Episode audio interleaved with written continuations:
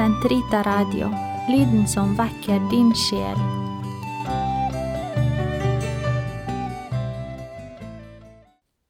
Den katolske kirkes katekisme, uke 44, mandag 8.49 til 8.56. Misjonsvirksomhet er påkrevet ut fra kirkens katolisitet. Misjonsbefalingen Gud har sendt kirken til alle folkeslag som alles frelsessakramente. Fordi kirken altså i selve sitt vesen er katolsk, dvs. Si bestemt for alle, og fordi den adlyder sin grunnleggers befaling, streber den etter å forkynne evangeliet for alle.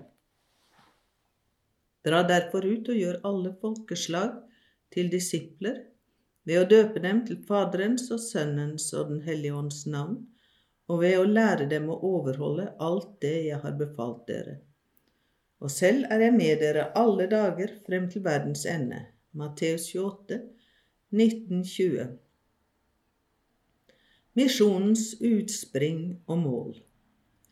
Herrens misjonsbefaling springer til syvende og sist ut av Den hellige treenighets evige kjærlighet.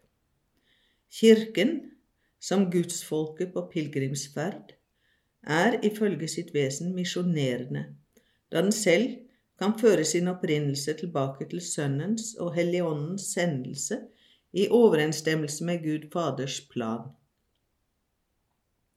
Og endemålet for misjonen er intet mindre enn å gi menneskene del i det samfunn som finnes mellom Faderen og Sønnen i deres kjærlighetsånd.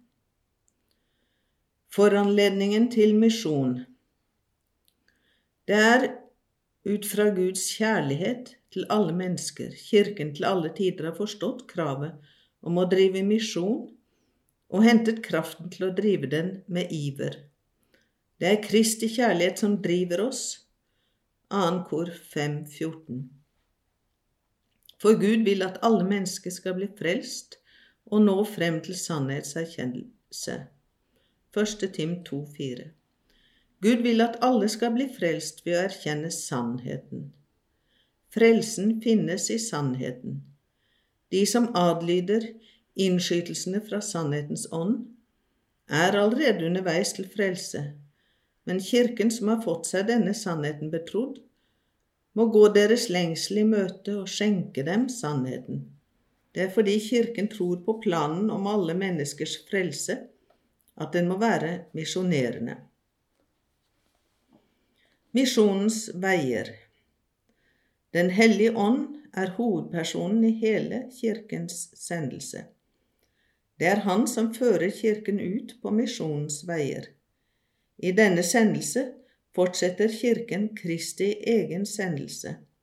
Han der var sendt for å bringe fattige det glade budskap, og Kirken utfolder den ytterligere gjennom hele historien. Derfor må den under Kristi ledelse gå den samme vei som Kristus gikk, nemlig fattigdommens, tjenestens, lydighetens og selvoppofrelsens vei inntil døden, hvorav han i sin oppstandelse gikk frem som seierherre. Slik ble martyrblodet kirkens såkorn. Men i løpet av sin pilegrimsferd har Kirken gjort seg den erfaring at avstanden er stor mellom det budskap den forkynner, og den menneskelige skrøpelighet hos dem evangeliet er betrodd til. Det er bare ved å gå på botens og fornyelsens vei og vandrende på korsets snevre vei at Guds folk kan utvide Kristi rike. I likhet med Kristus, som fullførte forløsningsverket i fattigdom og under forfølgelse, er Kirken kalt til å gå frem av den samme vei for å meddele menneskene frelsens frukter. I kraft av selve sin sendelse vandrer Kirken sammen med hele menneskeheten og deler verdens jordiske kår. Den virker som en surdeig. Den er som sjelen i det menneskelige samfunn som skal fornyes i Kristus og forvandles til Guds familie. Misjonsvirksomhet krever altså tålmodighet. Den begynner ved å forkynne evangeliet til folk og grupper som ennå ikke tror på Kristus. Den fortsetter ved å grunnlegge kristne menigheter som skal være tegn på Guds tilstedeværelse i verden, og ved å opprette lokalkirker. Den går inn i en inkulturasjonsprosess slik at evangeliet kan inkarneres i folkets kultur. Den vil heller ikke unngå å oppleve tilbakeslag. Hva de enkelte mennesker, samfunn og folkeslag angår, så berører og gjennomtrenger den dem trinnvis og opptar dem således litt etter litt i den katolske fylde.